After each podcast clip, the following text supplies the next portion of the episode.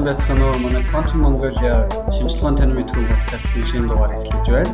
Тэгээд энэ дугаараараа бид нэр яг физикийн шинжилгээ ер нь яг юу нь гоё, ягаад заавал физикээр сурсан, ер нь ягаад физик гэж хэлдэг сэдвийн дагуу ярихаар цугласан байна. Манай миний хажууд Баска сууж байна. Харин Америкийг Аризонагаас Америк Аризона мужаас манай физикийн ангид цуг нэг ангид байсан.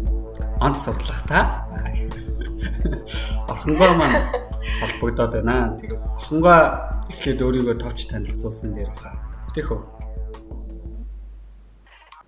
За. Сэмбэтхано намайг орхонгоо гэдэг.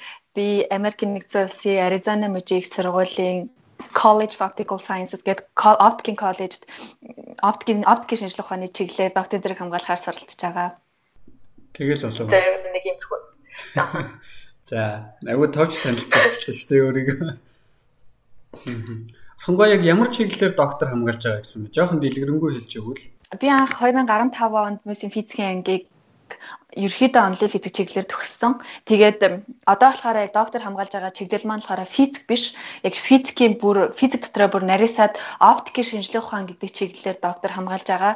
Тэгээд яг оптикийн шинжилгээ ухааны чиглэлээр яг докторийн зэрэг олгодог ерөөхдөө нэг ер нь бол гарын 10 орнд багтах програмууд байдаг дэлхийд даяар. Тэгээд тэрнийхээ нэгэнд нь суралцдаг байгаа.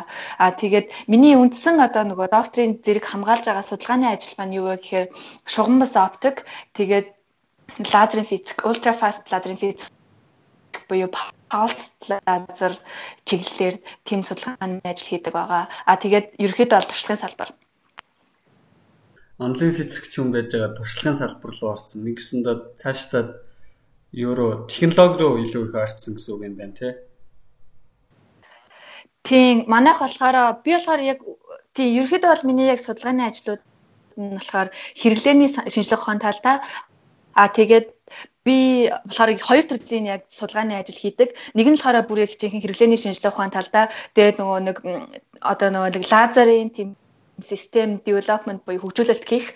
Тэр нь болохоор бүр bio biomedical biomedical imaging буюу одоо биомедикал чиглэлийн тим чиглэлийн судалгааны ажил байгаа. А нөгөөх нь болохоор бүр нөгөө нэг одоо squeeze light гэдэг чинь шахагдсан төлөвөг нэлээд хагцсан төлөвийг гаргаж авах тэгээд тэгээд бас non classical буюу одоо classic биш гэрлүүд гэрлийн тийм төлөвүүдийг гаргаж авах гэд тэр нь болохоор бүр ирээдүйд quantum computer компьютер үүсгэхэд одоо чухал үүрэг гүйцэтгэх тим хоёр чиглэлээр судалгаа хийдэг байгаа. Хоёулаа болохоор хэрэглээний шинжилгээ ухаан гэж явдаг боловч яг хоёулаа болохоор нэг нь болохоор арай жоохон ирээдүйд чиглэсэн а нэг нь болохоор ерөөхдөө хэрэглээнд бол нэг дараагийн 10 жилд ч юм уу 20 жилд гачаар тийм тийм төрлийн одоо хэрэглээний шинжилгээ ухаан дээр судалгааны ажил хийдэг.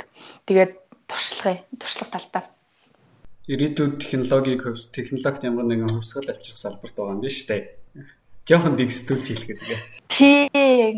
Яг тийм. А яг миний яг лазерын хөгжүүлэлт хийдэг салбар маань болохоор одоо лазер тийм лазерын хөгжилт хийдэг салбар маань болохоор баг одоо үед ч гэсэндээ яг ингээд технологи төр гараад явах боломжтой тийм юмнууд байгаа.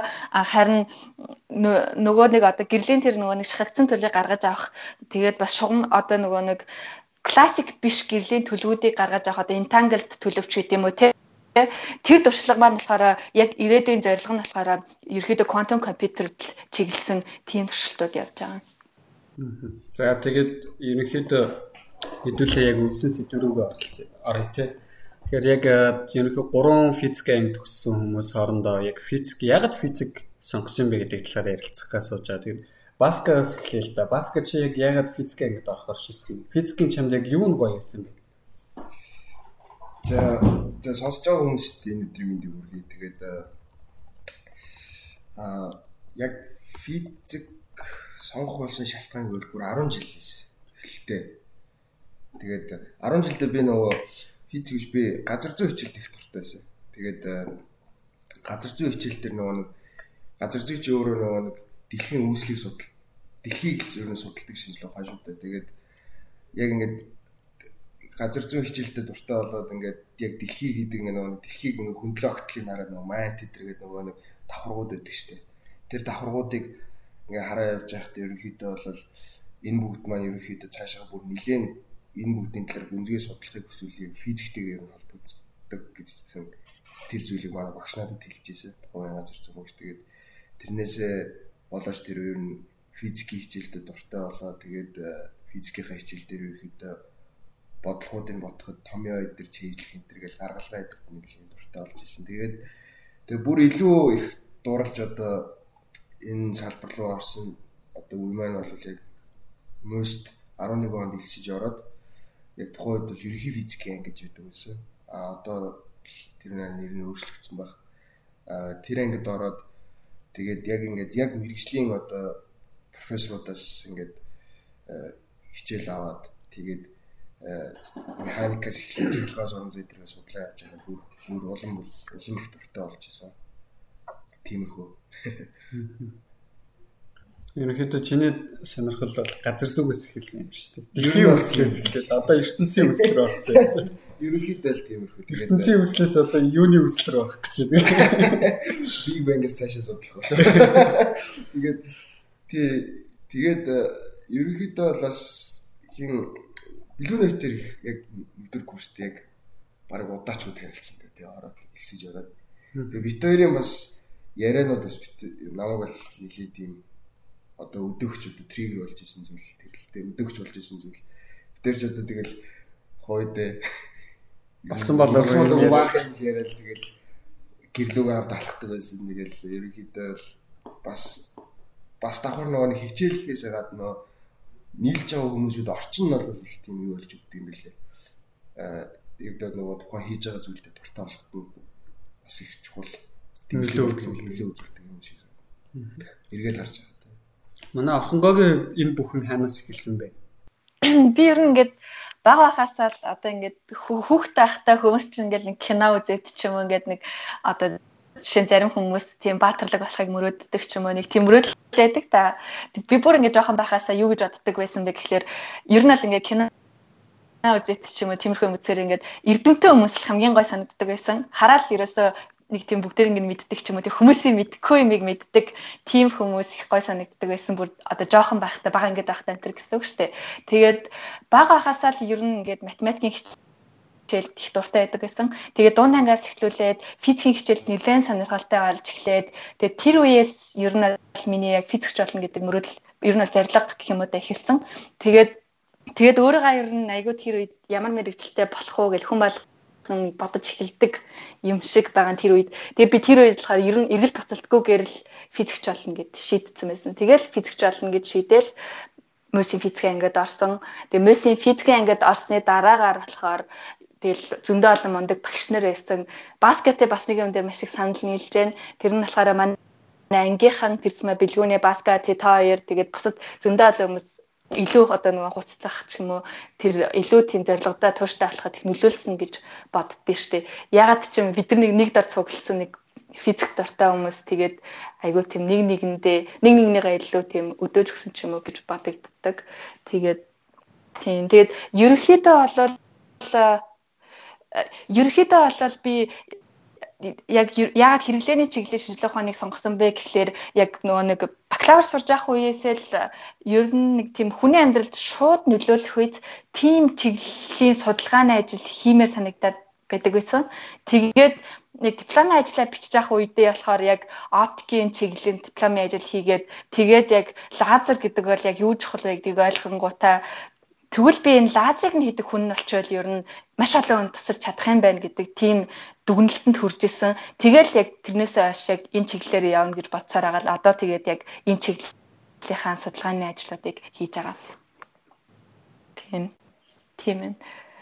Тэгээд бас бэлгүүнийгээ хувьд ямар байна? Бэлгүүнийгээ хувьд миний хувьд айгүй сонирхолтой да урд нь тасгаж байгаагүй юм байна энэ асуултыг. Тэгээд яг нэг юм хэлэх гэжээс тэрээ тэр үеийн жижигхэн орхонгоор хүүхэд орхонгоор очиод асуух юм бол чи том болоод ямар хүн болох юм гэжсэн бол өөдөөс шууд эрдэмтэн болно гэж хариулах нь шүү дээ. Зөв үү? Тий. Аха. Зөв би ерөөсөө яг л одоо чинь зарим хүмүүс гоё ингээл супер баатар болно гэж мөрөд гэх юм уу. Зарим хүмүүс онгоцны нисгэж олно гэж мөрөөддөг ч юм уу. Нэг тийм мөрөөдлөдөг та. Зарим хүмүүс болохоор нэг тийм дэлхийн хэмжээний од олно гэж мөрөөддөг ч юм уу. Тэг хүүхдүүд чинь жоохон байхта нэг гоёор төсөлдөг шүү дээ би болохоор нэг тийм халаад өмссөн. Тэгэл нэг тийм эрдэмтэн тэгэл хин ч юу ч асуусан мэддэг. Нэг тийм байвал нэг хамгийн тийм гоё юм шиг мэдрэмж төрдөг байсан. Одоо одоо халаад өмсөж байна уу? Халаад өмсөхгүй шүү дээ. За тэгээд би ягаад тэр эрдэмтнийг асуусан гэхээр яг чифт ярих жоохон төстэй талдаа юм байна л да. Би нөгөө Багдад харьцангуй гайгүй эрт уншаад сурцсан. Тэгээд аав их ном уншуулдаг гэсэн. Янз бүрийн ном уншиж чад ерөөхдөө нөгөө яг эрдэмтэн хүн бол их гоё хүн байна тий. Бүх юмыг мэддэг тий. Тэр хүнээс юу ч асуусан ерөөхдөө тэрийг мэддэг. Тэгээд ялангуяа эрдэмтэн хүмүүсийн хийж байгаа зүйлд хүнд хүнд их хүрдэг тий. Хүмүүс их үгийг сонсдог ч юм уу. Тэр талаасаа ер нь л эрдэмтэн болно гэж бодоход их гоё санагддаг байсан. Ягаад ч юм. Тэгээд нэг удаа би ерөөсөө мартдаггүй маань. Бага ингэж байхад нөгөө багш нар асуудаг шүү дээ. Чи том болвол ямар хүн болох юм гээл. Тэгэнгүүт л манай ангийн хүүхдүүд зарим жүжигчин болно, зарим нь болохоор баян хүн болно гэдэг ч юм уу. Тэгээ тиймэрхүү хариултад. Би болохоор нөгөө тухайд ягаад ч юм ичдэг эрдэмтэн болно гэж хэлхээсээ ягаад ч юм ичээд би археологч болно гэж хэлээд. Тэгээд тэгсэн чинь айгуусаа багш амар гайхаад тэр нь ямар мэрэгжил байдгийг Би өөрөө ч тэрийг мэдэхгүй зүгээр нэг сонсч ирсэн үгээ аваач өдөөс нь археологч гэж хэлсэн. Тэгэл э, ерөнхийдөө эрдэмтэн болно гэж боддог. Аа яг юуны эрдэмтэн болох вэ гэдгийг бол бага ангид бол сайн мэддэггүй байсан. Байгалийн шинжилгээ ухааны дөрвөн суурь шинжилгээнд бол ер нь бүгдэнд нь дуртай байсан. Тэгээ яванда нөгөө анх цүмийн зэвсэг, цүмийн технологи гэдэг ямиг анх мэддэг болоод нэг хальт уншсан. Тэгэл ерөнхийдөө цөмийн физик чи их гоё мэрэгжил юм шиг байна гэж та. Тэгээд цөмийн физик дуртай болоо нөгөөдгөн сүүл рүүгээ бүр орчин үеийн рүү нөгөө их энергийн физик, эгэл бөөм, орчлон ертөнцийн үүсгэлгээ. Тэнгүүд нөгөө асуултууд надад их гоё юм л та. Яагаад ертөнц үүссэн те одоо яагаад бид нар энэ дэлхий дээр ингэж амьдарч байгаа гэдэгт хариу хариулт авах боломжтой гэх юм уу? Яг хүн болгон өөрийн гэсэн нэг зорилготой байдаг л та. Гэхдээ ерөнхийдөө ертөнц үсэг бол бид нар өнөөдөр энэ подкастыг хийгээд сууж чадахгүй тий. Тэгэхээр яг тэр ертөнц яагаад үүссэн гэдэг тэр асуултууд надад их сонирхолтой байсан. Тийм учраас ерөнхийдөө энэ чиглэлийн салбар руу оръё гэж бодоод тэгээд физик анги руу орсон. Тэгээд физик анги нь мэдээж та хоёртой таарсан. Хэрэгтэй хэрэггүй баах юм ярьдаг байсан. Тэгэл ерөнхийдөө физик жамлах замнал маань тавигдсан гэх юм уу? Билгүүнийг бас нөгөө нэг цөмийн физикээ цөмийн цөмийн физикийн судалж хэлсэн гэдгсэн чинь би бас нэг юм санчлаа. Би ингээд нөгөө 10 жил байхдаа физиктэй яг төгсөх үедээ ингээ физиктэй бүр маш их дуртай. Тэгээд бас олимпиад интерт бэлдээд бодлого их боддог байсан. Тэгээд тэр үед болохоор одоо жишээ нь ингээд зүгээр яг зөндөө олон ингээд дунд сургуулийн хүүхдүүдийн физик болохоор зөндөө олон онл ч юм ингээд юмнууд дутуу байгаа шүү дээ. Одоо quantum physics төр заахгүй шүү дээ. Тэгэнгүүт чинь тэгсэрнээсээ л одоо жишээ нь атом гэж нэг юм байна, электрон гэж нэг юм байна гэл тэгэнгүүт буучин тийм үү. Тэгэнгүүт цахилгаан санзан долгион гэх тэгэнгүүт ерөөсөө нэг бууж өгөхгүй яг юу байдаг юм бол гэж мэдэхгүй. Тэгээ тухайд талаараа би яг юу гэж боддог байсан бэ гэхээр энэ л ерөөсөө эдгээр дотроос хамгийн хэцүү юм байна. Тэгэхээр би ер нь ирээдүйд ер нь физикээр явах юм бол нэг долгион мэлгатай л халбаатай юм хий гэж их боддог байсан. Тэрийг гинт санчлаа. Зүгээр яхаа тэрэн тэгээ мартагдсан л та физик ингээд орж ирсний дараа Тэгээ сая гинт бодсон чинь нэрэ тэр 10 жил байхдаа хүртэл гэрлийн дэлгэн мэлгэнтэй холбоотой юм хийх юмсан гэж боддог байснаа гэж санчлаа. Одоо тэгээ оптикаар доктор хамгаалах гээд явж байгаа юм байна. Далд ухамсарт чинь хадгалагдсан байна шүү дээ. Тэр чиглэлийн юм салахгүй юм шүү. Өөрөө мэдэхгүй л тийшээгээ буцаал орсон байна да. Харин сая гинт саналаа шүү. Ер нь 10 жил хоёрын хувьд 10 жил физик сурахад сайн болон муу талууд юу юу гэсэн бэ жишээ? 10 жилд яг зүгээр одоо жишээ нь би нөгөө нэг тэнд яг нөгөө Америкт очиод ингээд нөгөө нэг ихтэй сургуулиуд хай скул нөгөө ахлах сургуулиуд эдрийг харчаад надад зүгээр дутагдaltaй тал гэх юм бол нөгөө нэг техник бааз нь жоохон суул юм шиг санагддаг байсан. Яг намайг харамжлаа. Одоо бол яг ямар ус сайн мэдэхгүй. Нөгөө нэг туршлагын нөгөө нэг хүүхдүүдэд нөгөө нэг физикийн хуулиудыг ингээд тайлбарлаад ингээд үзүүлэн болгоод үзүүлэх зүйлсүүд них хомс ус. Яг ингээд зүгээр физикийн хичээл орлоо гэхэд л яг нөгөө дуртай хүүхдүүд нь л ороод нөгөө бодлогоо одоо суучдаг. Түүнээс л бусдууд нэг зүгээр нэг самбар дээр баагаш хоогоор томьёо хичээл бодлогоо бодуулаад Ньютоны 1 2 дугаар 3 дугаар хуулинд тэр одоо оптикийн хуулиуд нэг гэдэг ингэдэг Тэгэл ингээл баахан зүгээр л нэг тиймэрхүү байдаг байсан нэг жоохон дутагдaltaй тал байсан бол зүгээр арай давуу тал нь гэвэл миний хувьд бол их сайн багштай таар байсан 10 жилд бол. Тий. Тэр нь бол зүгээр давуу гэж хэлвэл тэр нь давуу тал. Би бас яг тэгэж бодлоо л да. Ерөнхийдөө намайг 10 жилд авах ч гэсэн би чи 2 3 10 жилээс альч 10 жилийн сургууль яг физикийн хичээлийн үзүүлэн уул нэх гоё байдаг гэсэн шүү дээ. Хийн дээр янз бүрийн үзүүлэн байдаг. Физик дээр нэг ганц хоёрхан юм бол байвал байна Э нөгөөдөл нь баг ихээ сургуульд ажилддаг шиг юм тий. Тийм нөгөө хин дээр ч нэг молекулын бүтц идрийг гой гой мэддэг байдаг шүү. Ядаж нөгөө хими уруул энтрийг шууд харуулцдаг байсан. Физикт бол тийм их баг байдаг гэсэн. Бараг физикийн хичээлийн хамгийн том туршилт нь орой гэртээ харж явчихдаг тэнгэр харах байсан юм хаашаа тий. Нэг тиймэрхүү тэгээд надаа нэг амар гоё таалагдчихсан юм нь яагаад би бүр лицед тийсэн лицед орсны дараа физикийн багштай юмараа суучсан чинь нөгөө э, дэлхийн гравитацийн хурцтгал G биш штэ. Тэрийг зүгээр нөгөө дэлхийн массыг энэ төр тавиад бодоол ойролцоолоо гаргаж болдог штэ. Тэрийг надад нэг харуулж ирсэн багш. Нэг тийм бодлого байгаад би жоохон алдаатай бодсон байлоо. Тэг ингэж заасан гэд. Тэр л надад их гоё юмс. Хөөх энийг заавал ингэж туршилтаар хэмжих болон албагүй тий. Зүгээр ингэж онлоос энийг ингэж гаргачих болж байгаа юм тэгэхээр энэ онлын юм нь ямар гоё ингэж хамгийн анх боддог байсан. Манай охингогийн тухайн үеийг дурсвал за 10 жилийн физикийн хувьд яг одоо өстө нэг мэдгүй яг дутагдaltaй гэж тал юу байсан бэ гэж хэлэхэд бол яг та яртаа бол ерөөдөө санал нийлж байна. А миний хувьд нэг ялгаа нь юу байсан бэхээр бас яг баскеттай адилхан би маш сайн физикийн багштай байсан. Тэгээ физикийн багш маань бас физикч мөрөгчлөлтэй болоход их нөлөөлсөн. Тэгээ би ч надаа нөгөө бүр хөдөө суманд 10 жилээ төгссөн шүү дээ.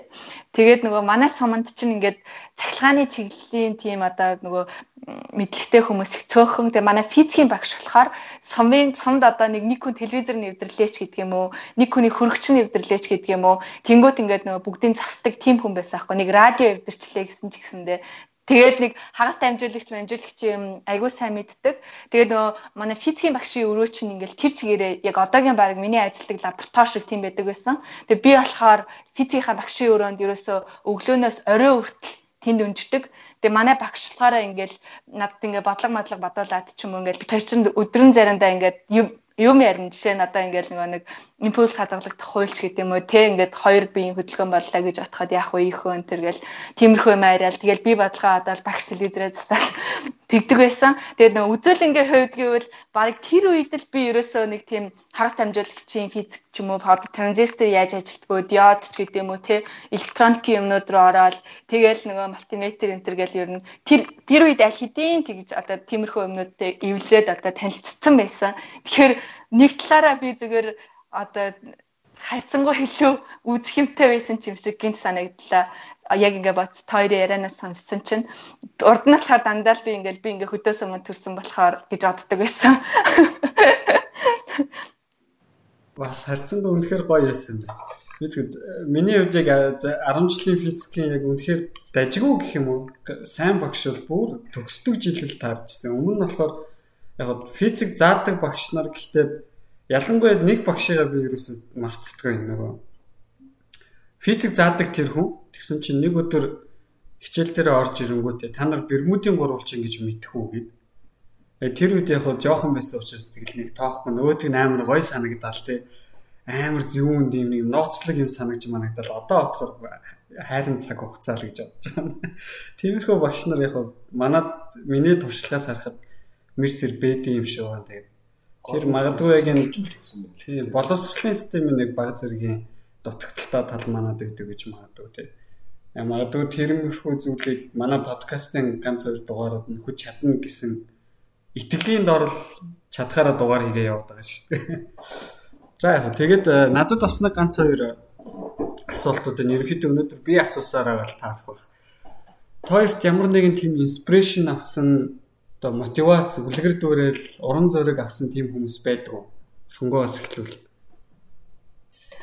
За мэдээж бол одоо мотивац ч юм инспирэшн авсан хүн ч одоо яг одоо л их санаанд орж ирэхгүй байна. Баска эхлээд ярьж байгаа энэ асуултанд хариулж байгаа.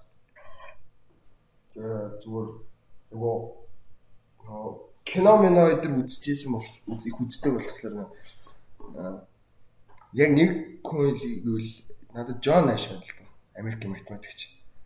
Тэгэд Джон Нэш нөө Russell Crowe-ийн тоглоод академи шагнал авсан нөө Beautiful Mind гэх кино гэдэг чтэй. Тэр кинон дээр нөө нэг тэр хүн эдийн нөө математик хүн математикч хүн ч гэсэн яг нөө нэг тэр хүний нөө нэг амьдралынхаа турш нөө нэг шинжлэх ухааны хийгээд давхар өөрөө нөө шизофрен өвчтөй юм шүү дээ. Хий юм харж сонсдог тийм өвчтөй. Тэгээ тэрнтэйг хийж чад тэр тэмцэл нь Тэгээ хамгийн гол нь тэр дараа нөгөө нэг тэр бүхнийхээ даван тулсаа дараагаар нөгөө нэг Принстонд нөгөө нэг та хоёр бас үзчихсэн баг нөгөө нэг сүүлийнхээ хэсэгтэр нэг цай удаг нэг хэсэг байдаг шүү дээ. Өөрийг нөгөө нэг та нөгөө Нобелийн шагнал авлаа гэж зарладаг. Тэр хэсэг эдрийг үзчихэж ерөнхийдөө бол яг ер нь эрдэмтэн хүн гэдэг чинь гоё юм байна да гэж бодлол сэтэл тэндээс их төрж ийс яг Джон шиг. Гэтэ хамгийн гол нь хамгийн гоё хэсэг нөгөө нэг самбар дээр нөгөө нэг цагаан шохоогоор цонхон дээр нэг бичээд математикийн теоремуудыг бичээд нэг боддог гэсэн үг шүү дээ. Тэр мэрэнд л одоо хамгийн хамгийн гоё одоо санагдав. Джон Нэшер ерөөхдөө инспирэшн авч ирсэн. Миний инспирэшн болж ирсэн. Билгүүнийг өвд юм бэ. Джон Нэш ч одоо хөрх юм 4 жилийн өмнө нас урсан. Автослоор өнгөрцөн нөгөө юуны Айблийн медаль гэж үүдэг шүү дээ. Хоёр орыг мэдж байгаа бох тийм. Математикийн салбарт үүдэг сан. Филдсийн медаль уу? Биш Apple-ийн медаль Fields-тэй адилхан адилхан. Тийм нэлийн нэр тэр медалаа авчаад э, буцаж явж байхдаа их нэртэйг зүг явж байхдаа автосолдоо таксинд ирж байгаа тэгээд нэлийн өндөр нас 80 эд гарцсан байсан баха. Одоо тэгээ өнгөрчгөр сэтгэл хэрэг юм да. Одоо яагаад тэгээд яг хор жамаараас явсан гоо нөгөө ослоор явцсан л да их нэртэй ойлог. Гэтэ ерөнхийдөө бол тэр хүнээс яг ерөнхийдөө нэг тийм яг юм мотивац бол их авч ирсэн л дээ. Тэр киноос их нөлөөлсөн. Тийм. Ерөнхийдөө бол. Би ч та миний хувьд юм бол би л 10 жилдээ ер нь онлайн физикчгээр Айнштейныг төсөлдөж шнэ. Айнштейнд нэлээд дуртай. Гэтэ яг нөгөө манайд чи монгол хэл дээр ялангуяа тэр үуч англи хэлч байсан болохоор монгол хэл дээр л юм уншин. Монгол хэл дээр Айнштейны тухай юм цөөхөн э, миний мэдхийн тул Львов гэж хүний бичсэн нэг намтар гэж. Тэрийг нэг уншиж исэн. Гэтэ одоо ботход тэр ном жоохон социалист талаас хэтэрхий хараад бичсэн ном санагдаад. Юу гэдэг чинь зөвлөлтийн тэр зөвлөлтийн физикч хүн баха. Тэр тэгээд аа яг одоо бол надад ялангуяа их сургуульд орсон юмуд англи хэл баскгийн ачаар англи хэл нэлээд гайгүй сураад тэгээд жоохон англи дээр юм уншдаг болсон надад би Ричард Феманы номнуудыг нэлээд уншсан л да. Тэгээд Феманы номнууд тэр физикийн айгүй хүн түнд юмнуудыг өдөр тутмын амьдралын энгийн юмнуудтай их холбож тайлбарладаг дандаа. Одоо яагаад халуун буцсан уснаас уур гардаг гэх нь уур усны гадруудыргаа атмууд өндөрийн нэрхтээ хөдлөө дэшиг уур олж гарч байгаа. Энэ бол зүгээр л уур гарч байгаа ш. Тэр цаана байгаа тэр атмууд тэгж хөдөлж байгаа ингэж төсөөлж байгаа. Гэхээр их надад гоё гэдэг. Тэгэхээр feminist feminist одоо урам авдаг гэх юм уу тэр тайлбарууд тэр feminist тайлбарууд их гоё яваад тийм. Одоо ерөнхийдөө feminist баг бүх номын шиг уншаад дуусгацсан. Одоо нэг саяхан өөр хүн Феманы намтрыг бичсэн нэг Джеймс Кларк гэдэг шинж тухааны түүхч хүн гэдэг юм лээ. Тэрний нэг номыг саяхан эхлүүлчихээ. Болов орчуулах төлөвлөгөө байна. Заавал хэр олдох юм мэдэхгүй лээ. Тиймэрхүү аа. Тэгэхээр орхонгогийн хувьд хэр вэ? Тим хүн ер нь олж чадвуу орхонгоо. Яг мэдээж ингээл нэрлэл яг адилхан Эйнштейн, Feynman, Newton бүгдийг л хэлэх байх л да. Гэтэ яг яг энэ л хүн гэж хэлэхэд бас жоохон хэцүү л юм. Яг нөгөө нэг одоо ингээ физикч болоход нөлөөлсөн ч гэдэг юм уу тий бүр тийм inspirational байсан гэж хэлэхэд жоохон хэцүү л юм. Тийм. А яг одоо гэх юм бол тэгэл ингээд өөрчлөгдөд өөрчлөгдөд явцдаг шүү дээ тий. А яг нөгөө тухайн үед гэх юм бол бас хэцүү болчихж байгаа байхгүй юу? Стол яг нэг физикч хүний хариулт өгч юм да гэж. Тэгэхээр ер нь одоо ингээд өнөөдөр та хоёр хоёулаа Америкийн нэгдсэн улс доктороо хамгаалах гад явж байна. Яг хоёрын хувьд яг өнөөдрийн энэ нүдээр харахад яг физикийн шинжилгээ ухааны яг юу нь хоёрт их гоё байдаг вэ? Хамгийн гоё мэдрэмж өгдөг тэр зүйл нь яг юу вэ? Энэ жоохон бодох хэрэгтэй асуулт байна. Ингээд ахынгуудаа бод хугацаа олгоцгоё. Праска хариулах чи хариулахгүй. Юу яг та хоёр хоёлаа яг энэ дээр яг надтай санал нийлэх багтаа нөгөө физикийн шинжилгээ ухаан өөрөө яг юм хоёр чиглэлтэй. Нэг нь бол яг байгалийн үзэгдлүүдийг нэг нь бол туршлагын аргаар мэддэг. А нөгөөх нь бол онлын аргаар буюу математик дээр суурилж онл боловсруулж мэддэг. А гол нь тэгээд хамгийн гол юм гоё юм нь өөрөө яг энэ хоёр зүйл нь яг нөгөө зоос нөгөө хоёр тал гэдэг шиг нэг нь нөгөөгөөрээ оршин байх юм болцоогүй. А онлыг туршлага баталдаг. А эсвэл бол туршлагаар ямар нэгэн илрээгүй зүйлийг онл prediction буюу таамаглал ч юм уу гаргаж тэгээд онл туршлагын нөгөө нэг юм сэжүүр өгдөг. А туршлагын болохоор ямар нэгэн онлынхны зүйлийг баталдаг аль эсвэл өмнө ямар нэгэн онлын тайлбар байхгүй шин тийм фенолог тийм үзэгдлүүдийг туршлагаар олж нэгээд тэрэнд хариулт олж өгдөг. А тэгэхээр ингээд онл туршлага гэсэн яг юм хоёр юм маш хүчтэй юм зэвсгэлтэй юм хоёр ийм зэвсгэлтэй юм хоёр салбар учраас энэ дээр бол ямар нэгэн баталгаагүй баримтгүй зүйл яриул тэр нь бол шууд унжид. Тийм учраас бүх зүйл баталгаатай, бүх зүйл баримттай, бүх зүйл туршлагын баримтан дээр суурилж яригддаг учраас физик гэдэг шинжилгээ хам бол маш хүчтэй. Хамгийн гоё зүйл нь миний хувьд л Яг энэ э, талаар бол баг хамгийн ойр судалгааны ажил хийж байгаа нь орхингоо бах тийм ерөөдөө онлайн ажлууд нь туршлагын салбар, технологийн салбарт бусад салбаруудыг бодвол хамгийн хурдан нэвтэрч байгаа гэж бодоод байна шүү дээ. Ер нь аль тийм шүү. Туршлагын туршлагын салбарт ажиллахын нэг гоё юм бид нар ч гэсэндээ яг адилхан ингээл тооцоо хийн яг мэдээж шинэ онол боловсруулахгүй л тээ. Гэтэ ингээл тооцоо хийн ингээ зөндөө их тооцоолол хийгээл симуляшн хийгээл тэгээд ерөөхдөө туршлагынхаа одоо дизайныг нь тавиад тэгээд тэр чин тэр туршлагад оролцох одоо бүх э, одоо нөгөө төхөөрөмжүүд жижигхэн нэг толио исэн ч гэсэндээ тэр ямар ах вэ гэдгийг хүртэл дизайныг нь гаргана штэ. Яг ямар ах вэ гэдгийг нь тэгээд тэгээд бүхэн цуглаад туршлага явагдаж дуусаад яг онлоор зөвгөнсөн үр дүнгээ гаргаж авах тэр мөчөөл зүгээр үгээр зөрлөшгүй хамгийн гайхамшигтай ер нь туршлагын физикт ажиллаж байгаа гэх нэг тийм гайхалтай хэсэг юм уу. Жишээ нь ингээд тийм тийм мэдрэмж төрдөг. Тэгээд жишээ нь ингээд онлайн хувьд жишээ нь хоёрхан мөр томьёо байлаа гэж бодоход туршлагын хувьд бүтэн өрөө дүүрэн багаж тоног төхөөрөмж баахан юм болж иж гаргаж авах тохиолдол хүртэл байдаг. Эсвэргээрээ онлайн хувьд батлахад маш хэцүү зүйл, тайлбарлахад маш хэцүү хүнд ойлгуулахад хүртэл маш хэцүү зүйл туршлагын хувьд зүгээр л нэг 2 3 коннот дараа гаргаад авах тохиолдол хүртэл байна. Тэгээд тийм тэгээд тийм тиймэрхүү юмнуудаас хэсүүлээд ер нь бол ингээд яг одоогийн одоо ингээд харахад яг физикээр яг технологийн чиглэл чиглэлд ажиллана гэдэг нь яг л нэг ноттай яг баримттай тийм зүйл хийж байгаа болохоор хинт ч нэг тийм нэг одоо нэг flimsy юу гэдэг юм одоо нэг тийм нэг нэг яаж ч магадгүй ч гэдэг юм уу нэг тийм байдал үүсэхгүй нэг тийм их гоё тийм яг чиг шуухан барай явж байгаа юм шиг тийм мэдрэмж төрөө тэрүүгээр их гоё идэг. Тэгээд ерөх хамгийн барьцтай салбар гэж ойлгож болох тий? Худлаа ярихгүй л гэсэн үг. Хунд худлаа ярьж чадахгүй. Хизээч худлаа ярихгүй л гэсэн үг. Чамайг тэгж хэлсэн чинь би энэ чинь нүүр улаагаа суугаад шүү дээ.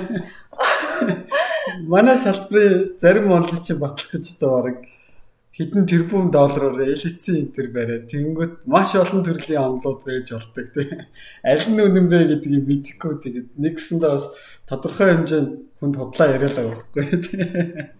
Яг айл айлын судлаа ярьж байгаа л да тодорхой хэмжээнд. Гэхдээ одоо миний худлаа ярьж байгаа одоо хэмжээ нь бол хамаагүй бага л да. Яг би бүр 5 0 төрчлөө юм чи. Онлчд бол за тэгээд тэр тусмаа бүр нөгөө та хэд шиг фундаментал theory интер хийж байгаа онлчд бол бүр худлаа ярих магадлал нь өндөр бол явчихж байгаа байхгүй. Энэ хэсгийг чинь тасална. Яг гэхдээ нэг зүйл нь би түрүүний түрүүлсэн нөгөө онл байхгүй бол туршлага бол яаж явахгүй. А туршлага байхгүй бол онл нөгөө нэг яг тэр үр дүнгээ үнийн хэсгийг бол шалгаж чадахгүй. Тэгэхээр биендээ их дургу. Ер нь манай би манай профессоруд бол онлайн талын профессорудаас их дургу. Ахангүйг ингэж хэлээд гарч дургу болохгүй? Тийм. Тийм би гэхдээ тэрэн дээр л наргаа хийсэн шүү. Онлчид бол хамгийн чухал үүргийг гүйцэтгэж байгаа шүү дээ. Би яг нөгөө сая Бастаг хэлсэн онцлог туршлагын дурггүй, туршлагын онлынхын дурггүй гэдэг гэдгийг бүр айгүйх мэдрээд байгаа сүүл үед. Яг тэгэхээр би ингээд нөгөө хоёр хоёр судалгааны групптэй цуг ажиллаж байгаа байхгүй яг одоо болохоор нэг нь болохоор бүр цэвэр онлайн групп, нэг нь болохоор бүр бүр цэвэр бүр хэрэглээний шинжилгээ ухааны групп. Тэгэнгүүт онлайн группт ингээд туршлагын ангууд туршлагынхныг нэг тийм нэг нэг энэ хэд нэг инженерийн асуудлууд шийдээд явж яадаг хэсэг бүлэг нөхцөл гэж хардаг. Дуршлагынх нь онлынхныг болохоор амьдрал хизээч хэрэг болохгүй баахан тоонод баахан худлаа тацаа яадаг нөхцөл гэж хардаг. Амьдрал дээр хизээч тэр нь биелэхгүй гэж хардаг. Тэгээд би болохоор яг дунд нь ингээ хоёулантай нь явхаад та зүгээр нэг нэг ингээ ойлгочих болтгүй юм уу гэж нөгөө хадны завсар хавчуудагдсан халууны золцох шиг л явж байгаа. Харин би болохоор ингээ хоёулын дээр ингээ суугаад байгаа бол хоёуланд нь одоо жишээ нь ингээ яг ямар асуудал байж болох уу? Ямар асуудал байж болох уу тий? гэдгийг нь ойлгоод байгаа байхгүй яг хоёуланд нь яг мэдрээд тэнгууд нөгөө хоёр нь болохоор нэг нэгнийгаа ерөөсөө ойлгох. Орхонгой ер нь туршлага ондолч ондлын хоёр хүнийг хооронд нь холбох хамгийн том гүүр болж байгаа биш та одоо ерөөсөө. Тий, одоо миний миний судалгааны жишээ нь тэр нөгөө нэг классик биш гэрлийн төлөвүүдийг гаргаж авах ч гэдэг юм уу. Тэр тэр судалгааны ажил жишээ нь ингээд бас шугам оптиктэй холбогдсон байдаг л да яг шугам бас квант оптикс гэх юм оптик гэх юм уу. Тэгээд тэр ажлыг тэр ерөөхдөө бол ингээ онлайн маш нарийн тооцоолоод бас ингээд quantum optic-ээр нэлээд сайн тооцоо хийж ээж туршилтууд явна гэхээс биш зүгээр одоо жишээ нэг хэдийн юмнууд зэрэгцүүлж байгаа шууд гарчихгүй үр дүнгууд нь тийм. Тэгээ тэрэн дээр бол нэлээд их тооцоо бас нэлээд тооцоон дээр суух шаардлага гардаг. Гэтэ мэдээж тухайн салбарт онл хийдэг хүний хажууд бол юу жишээлтэй. За тэгээд ерөнхийдөө хэдүүлээ 30 орчим минут ярьсан байна. Тэгээд ганц хоёр асуултын дараагаар өндөрлөх тийшээгээ хандъя гэж бодож байна. Тэгээд надад дахиад бас баахан асуулт байна л да. Одоо ингээд хоёрын хувьд өдөр тутмын хоёрын амьдрал яг ямар хэмнэлээр одоо өрнөж байна. Тэрний бас юунд хоёрт гоё байдаг бас юу нь хэцүү одоо зарим үед шантармаар гэдэг вэ. би их ярилцсан. Энэ их сонирхолтой асуулт байна. Одоо докторийн оюутнууд жишээ нь миний хувьд докторийн оюутнууд ер нь өөрсдөө ингээд цагаа зохицуулж явдаг. Заавал өглөө 8 цаг ч юм уу 9 цаг сургууль дээр байгаад шаардлагагүй. Мэдээж ингээд teaching assistant буюу нөө туслах багш ч юм уу хийдэг бол өөр хальтаа. Тэгэнгүүт чинь ингээд өөртөө цагаа зохицуулаад ингээд явах шаардлага гардаг. Тэгээ миний хувьд болохоор ерөөхдөө айлбал өглөө эрт сургууль дээр очихыг боддог. Тэгээ бүр зарим үед бүр сургууль дээр очихгүй өдөр хөдлөө байдаг. Тэгээд тэгээд ер нь яг яаж авдаг гэхээр миний өдөр тутмын амьдрал болохоор өглөө мэдээс сургууль дээр очиод имэйлээр шалгаад тэгээд нэг нэг хэдэн одоо нэг журналууд байдаг шүү дээ. Тэдрээгээ шалгах чинь ер нь шинэ пейперууд гарч уу, шинэ шинэ одоо судалгааны ажлууд хөвлөгдөж үү, сонирхолтой юм юу байна ч гэдэм үү. Тэгээд нэг нэг эхний нэг 2 цагийг бол нэг тиймэрхүү маягаар нэг хэдэн пейпер гарчиглаад ч юм уу, нэг хэсгээд өнгөрөөчдөг. Тэгээд Тэгээд дараагийнх дээр нь болохоор туршлагатай хэлэх хэрэгтэй ганц нэг тооцоо хийх ч юм уу эсвэл нэг ганц нэг симуляшн эхлүүлэх ч юм уу тэгээд нэг кодон дээрээ ганц нэг юм засах гэх мэтчлэнгээр явсаар байгаа юм нь бол цай олчтой. Тэгээд үдээс хойш болохоор лабораторитой ажилладаг. Ер хичээлгүй бол хичээлтэй бол мэдээж хичээлдээ явна. Тэгээд үдээс хойш лабораторитой ажиллаад тэгээд лабораторитой ажиллах нэг энийг ч нэг хэмтчээ тэрийг ч нэг тэгчээ гисээрээ сонжраад нилээ орой юм гэртээ ярьдаг. Тэгээд цагийн менежмент би бол нэлээд муутай л гэж хэлнэ. Тэгэж ер нь өдөр тутмын амьдрал өрнөдөг. А тэгээд ер нь бол ингээд ерхэд яг ерхэд зургаар нь харахад би ингээд физикч байгаадаа үнэхээр ад жаргалтай бүр энд байгаадаа ингээд үнэхээр ад жаргалтай байдаг. Яг одоо хийж байгаа судалгааны ажлууд дээрээ тэгээл ер нь ийм гоё ийм гоё орчин ингээд бүх нөхцөл бололцоонд бүрдсэн тий би ингээд энэ төсөлтийг ингээд тавья гэд итгэхэд санхүүжилтэн байгаа тэгээд намайг ингээд миний сургалтын төлбөрийг төлөөд миний одоо ингээд бүх нөхцөл одоо тодорхой хэмжээнд миний нөхцөл нөхцөл боломжийг бүгдээр ингээд хангацсан ийм орчинд байгаа дүн тэр ажиглалтай байдаг. А гэхдээ тэр нь болохоор ингээ өдөр тутамд ингээд хийж байгаа юм дээр ингээд өдөр алхам аж аргалтай ингээд нэг юм хийх болгондоо аж аргал мэдрээд байна гэсэн үг бол биш. Тэгээд жишээ нь ингээл э, тодорхой хэмжээнд бас нөгөө нэг pressure гэдэг чинь тийм хүн болгоно л одоо тухайн төвшин дээр нэг тодорхой хэмжээний pressure буюу дарамт гэх юм уу? Дарамт гэхээр арай хүчтэй орчуулах гэж байна. мэдэрж байгаа штэ стресстэй ч юм уу те тэгэл ингээл мэдээж ингээл туршлах дээр нэг юм хийж ах чинь нэг сонин гэмтэл одоо электроник гэмтэл ч юм ингээл гарчаад ахаар чинь тэгэл тэр тэрийг ингээл баян засаал нэг тиймэрхүү юмнууд хийх ч юм уу эсвэл ингээл тооцоон дээр ч юм уу эсвэл нэг кодон дээр нэг баг гарчаал тэрийг ингээл засах гэлгүй ингээл нэрвтэл те янз бүрээр үзээд тахт чинь болохгүй тэгэл яатсан мэддэхгүй ч юм уу. Тиймэрхүү үе бас байна. Тэгээд тиймэрхүү үе байна гэхдээ тэр нь болохоор тухайдаа ингээд жоох стресстэй байсан ч гэсэндээ ерөөхдөө зургаараа л юм ажиглалтай л юм гэсэн яг одоо тийм физикч мэрэгжил сонгосноор маш маш томсондоо маш их баяртай байдаг. Тэгээд хүмүүс ер нь яг шинжлэх ухааны чиглэлээр ч юм уу тийм мэрэгжил сонгохдоо л ер нь ямар ч чиглэл тийм байдаг л ахал та. Ерөөсөө тэгж бүр ингээл өдөр болго аз жаргалтай тэг хүн дуртай маа олон чинь ингээл алхам тутамд аз жаргалтай байгаад байдаг юм байна гэж тэгээд тийм юм олохгүй болохоор би буруу юм хийгээд байгаа юм байна гэж ойлгох нь айгу тийм буруу юм шиг төртөрөөд байдаг. Аа. Чи ер нь доктор сурсаас хойш гэртээ харьсан уу? Лаборатори дээр л танаад байгаа юм шиг. Гэртээ байгаа шүү дээ. Сүүлд нэг танах руу залгсан чи холбогдохгүй байсан да.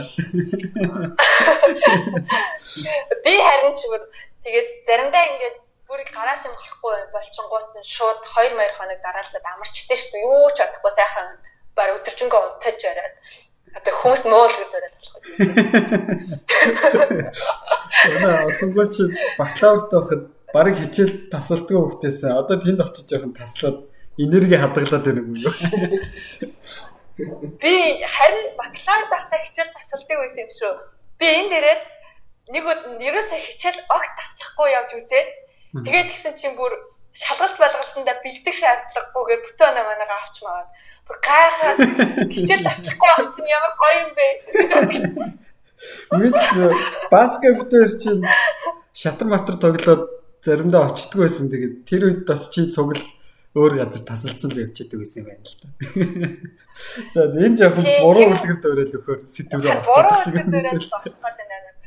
Тэгээд тэрэндээ айгүй харамсдаг шүү дээ. Айгүй гоё гоё юмнуудыг алгассан юм шиг санагдаад одоо би зүгээр мөсттэйсэн тэр цагийн үеийгөө буцаж авах болох юм бол ерөөсөө хичээл Би ч гэсэн одоо хамгийн том харамсаж байгаа баг би юу байх.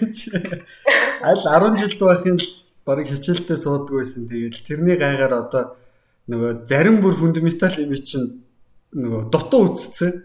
Тэгэл тэр мэрийг яг тооцоо моцоо хийгээ сууж хахаар эргүүл санах гэж дахиж нэг өөр ном сөхөнө гэл өөртөө л ажил утсан хэлбэр болж явж байгаа юм. Тэгэхээр одоо ер нь ирээдүйд шинжилгээ ухааны чиглэлээр ер нь хүн ямар ч чиглэлээр сурч исэн байлаа гэсэн сурахаар төлөвж байгаа байлаа гэсэн хичээл таслах бол дими хичнээн уйдгартай байсан ч гэсэн тэрийг даваад гарчих сэтгэлийн тэнхээтэй байх л хэрэгтэй байсан байна. Манай баскетбол гэвэл өдөр хэрхэн өнгөрч байна? Өдөр би нөгөө анх очсон 2 жилээ нөгөө teaching assistant буюу одоо нөгөө лекцийн туслах багшаар ажилладаг гэсэн. Тэгээ нөгөө оюутнуудад хичээлийн семинарын зааж өгдөг, бодлогуудын зааж өгöd тэгээд дараагаар нь гэрийн даалгаврын нөгөөд гэрийн даалгаврын буцааж хурааж авч шалгаад тэгээ семестрийн сүүлд нөгөө шалгалтуудын шалгадаг тийм л ажил тийм ажил хийдэг гэсэн. Тэгээд тэр үед бол бол яг яг цагийн өөрийн дагуу явах хэрэгтэй. Нөгөө нэг өглөө яг та 8:30-д очиод тэр өрөөнд очиод оюутнуудаа нөгөө семинарын бодлогуудын тарааж өгöd бодуулаад хурааж аваад ингээд тэр ажлууд бол яг цагийн дагуу явдаг гэсэн. Аа тэгээд эхний 2 жилдээ тэгээ давхар нөө эхний 2 жил нөө хичээлүүд авч байгаа учраас яг ингээ бүх юм бол цагийн хуваарийн явдаг гэсэн эхний 2 жил. А дараагаар нөгөө э, qualifying exam гэж үүдээ нөгөө сонгох сонгох одоо шалгалт юм уу тэр тэр нөгөө нэг бүх PhD оюутнуудаас авдаг. А тэгээд тэрэндээ тэнцвэл одоо нөгөө өөрийнхөө сонирхож байгаа судалгааны ажилтай холбоотой тэр групптэй хүсэлт гаргаад ороод ажиллах болцоотой болдог. А тэгэнгүүт нөгөө TA буюу туслах багш хийжсэн бол ТЭ-ийн солигдоод RA болов буюу одоо нэг судалгааны туслах ажилтан болж хувирдаг. А судалгааны туслах ажилтан бол хувирсан нөхцөлтэй бол яг цагийн хуваарийн дагуу байх.